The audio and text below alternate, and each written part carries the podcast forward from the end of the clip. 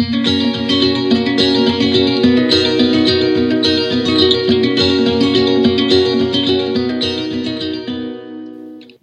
og velkommen til Danske spesial. Podkasten der vi ser litt nærmere på saker som vi mener fortjener ekstra oppmerksomhet. Mitt navn er Fredrik Ask Stensrud, og med meg i studio så har jeg eh, sjefstrateg i Danske Bank, Christian Lie. Velkommen, Christian. Takk for det. Vi har jo nå ikke hatt noen pod på to uker, faktisk. Så da tenkte vi at den uken her så skal dere få to sendinger. Dere får denne spesialsendingen, og så får dere som vanlig Danske Bankers, som publiseres faktisk senere i dag, og ikke i morgen. Men i dag, og dette, det er en spesialsending om brexit. Det er så mye skriverier i media nå om brexit at det er ikke godt for noen av oss å følge med. Så jeg tenkte at vi skulle prøve å lage en kort snutt her, hvor vi prøver å gjøre dette litt klarere for folk flest. Så det første spørsmålet mitt da, eh, Christian, det er hva er brexit? Ja, Brexit det er jo en beslutning eh, som ble avgjort gjennom en folkeavstemning i juni 2016, hvor et marginalt flertall av britene stemte for å forlate EU. Riktig. Men det er jo en god stund siden. Så hva er da egentlig status nå? Jo, nå har jo eh, regjeringen eh, ved Theresa May brukt lang tid, det er vel to år, på å fremforhandle en avtale som da skal ligge til bunn for skilsmissen mellom Storbritannia og EU, eh, hvor opprinnelig skilsmissedato da skulle være 29.3 i år, dvs. Si fredag neste uke. Men problemet det er jo at eh, for at dette avtaleforslaget skal kunne legges til grunn for en eh, skilsmisse, så må det godkjennes i det britiske parlamentet. Og Theresa May har nå lagt dette frem for avstemning i parlamentet tre ganger, og det har blitt nedstemt hver eneste gang. Og Det betyr at man har ingen avtale å legge til grunn, og dermed så øker jo tidspresset ganske betydelig. Og det Therese May nå har eh, siktet seg inn imot, det er en forlengelse, eller en utsettelse, av brexit.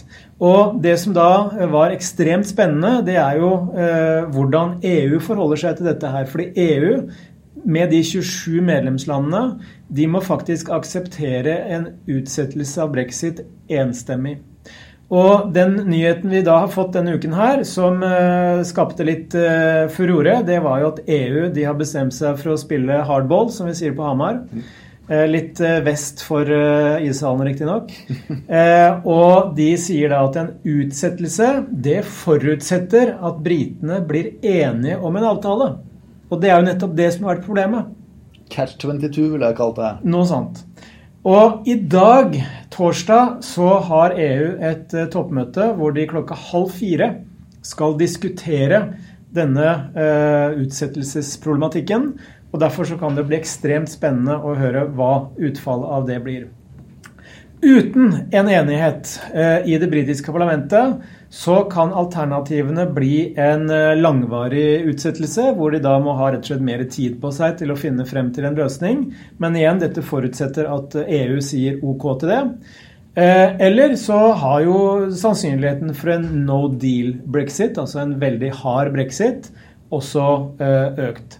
Vi mener at det er 60% sannsynlighet for en lang utsettelse og bare 10% sannsynlighet for at EU vil nekte britene å utsette brexit. Altså en liten sannsynlighet for at EU vil nekte en utsettelse av brexit. Og Dermed så har EU egentlig da tre alternativer, slik vi ser det. Det er å eh, akseptere en kort utsettelse til eh, midt i mai f.eks. Eller akseptere en lang utsettelse på minimum ni måneder, som igjen vil da bety at eh, Storbritannia må delta i EU-parlamentsvalget i mai. Pluss at det øker sannsynligheten for en ny folkeavstemning. Eller nummer tre en no deal. Som vi, da, som vi, da, mener er lite sannsynlig. Og no deal det hører vi jo ganske mye om i media. Hva vil det egentlig si? En no deal det betyr jo rett og slett at uh, denne skilsmissen, uh, denne avrivelsen av de britiske øyer fra kontinentet, det vil skje uten en skriftlig avtale i bunn som beskriver rettigheter og plikter i relasjonen mellom Storbritannia og EU etter skilsmissen. Som en skilsmisse uten prenup, rett og slett? Det kan du kanskje si. Ikke et ønskelig scenario, vil jeg anta. Nei. Ok, Men det her var jo eh, faktisk ganske nyttig, og særlig det med å forstå da sammenhengen både da mellom EU, May eh, og parlamentet. Det er sikkert ikke klart eh, for folk flest, i hvert fall ikke for meg. Nå må det sies at det å ha en klar oppfatning av brexit, det er i så fall en, en veldig god achievement, for det er ikke så lett i dag. Nei, og jeg har forstått at her kommer det jo til stadig nyheter hver eneste uke. Uh, og dette vil vi selvfølgelig følge tett med her på i redaksjonen i vår pod. Men før vi avslutter, så har jeg bare lyst til å si litt om noe som heter Operation Yellowhammer.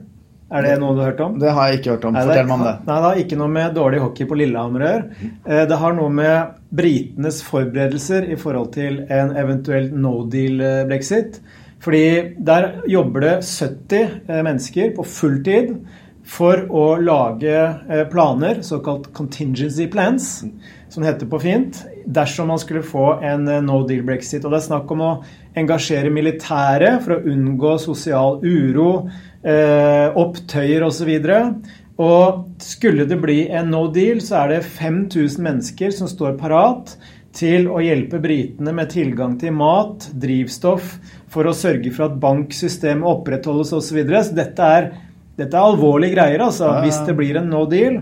Så vi håper og tror jo at det ikke skjer. Nei. Har vi noe form for sannsynlighetstall i det hele tatt på en no deal brexit? Ja, Vi mener sannsynligheten er, eh, er ganske begrensa. Uh, ja, Siden ting beveger seg så mye fra dag til dag, så vil jeg bare si at den er begrensa. For det, alle parter vet at ingen er tjent med det. Nei. Så med andre ord, i hvert fall, det er tre scenarioer. Kort utsettelse av hele skilsmissen. Lang utsettelse av hele skilsmissen. Eller no deal, altså en beinhard skilsmisse. Skilsmisse. og, og vi ser det siste alternativet som relativt lite sannsynlig, men det kan forandre seg. Ja. Da tror jeg vi skal runde av der. Kristian, takk for at du gjorde brexit i hvert fall til et eh, litt eh, mer forståelig tema for meg. Og det var faktisk alt vi hadde i denne episoden av Danske Spesial. Vi høres.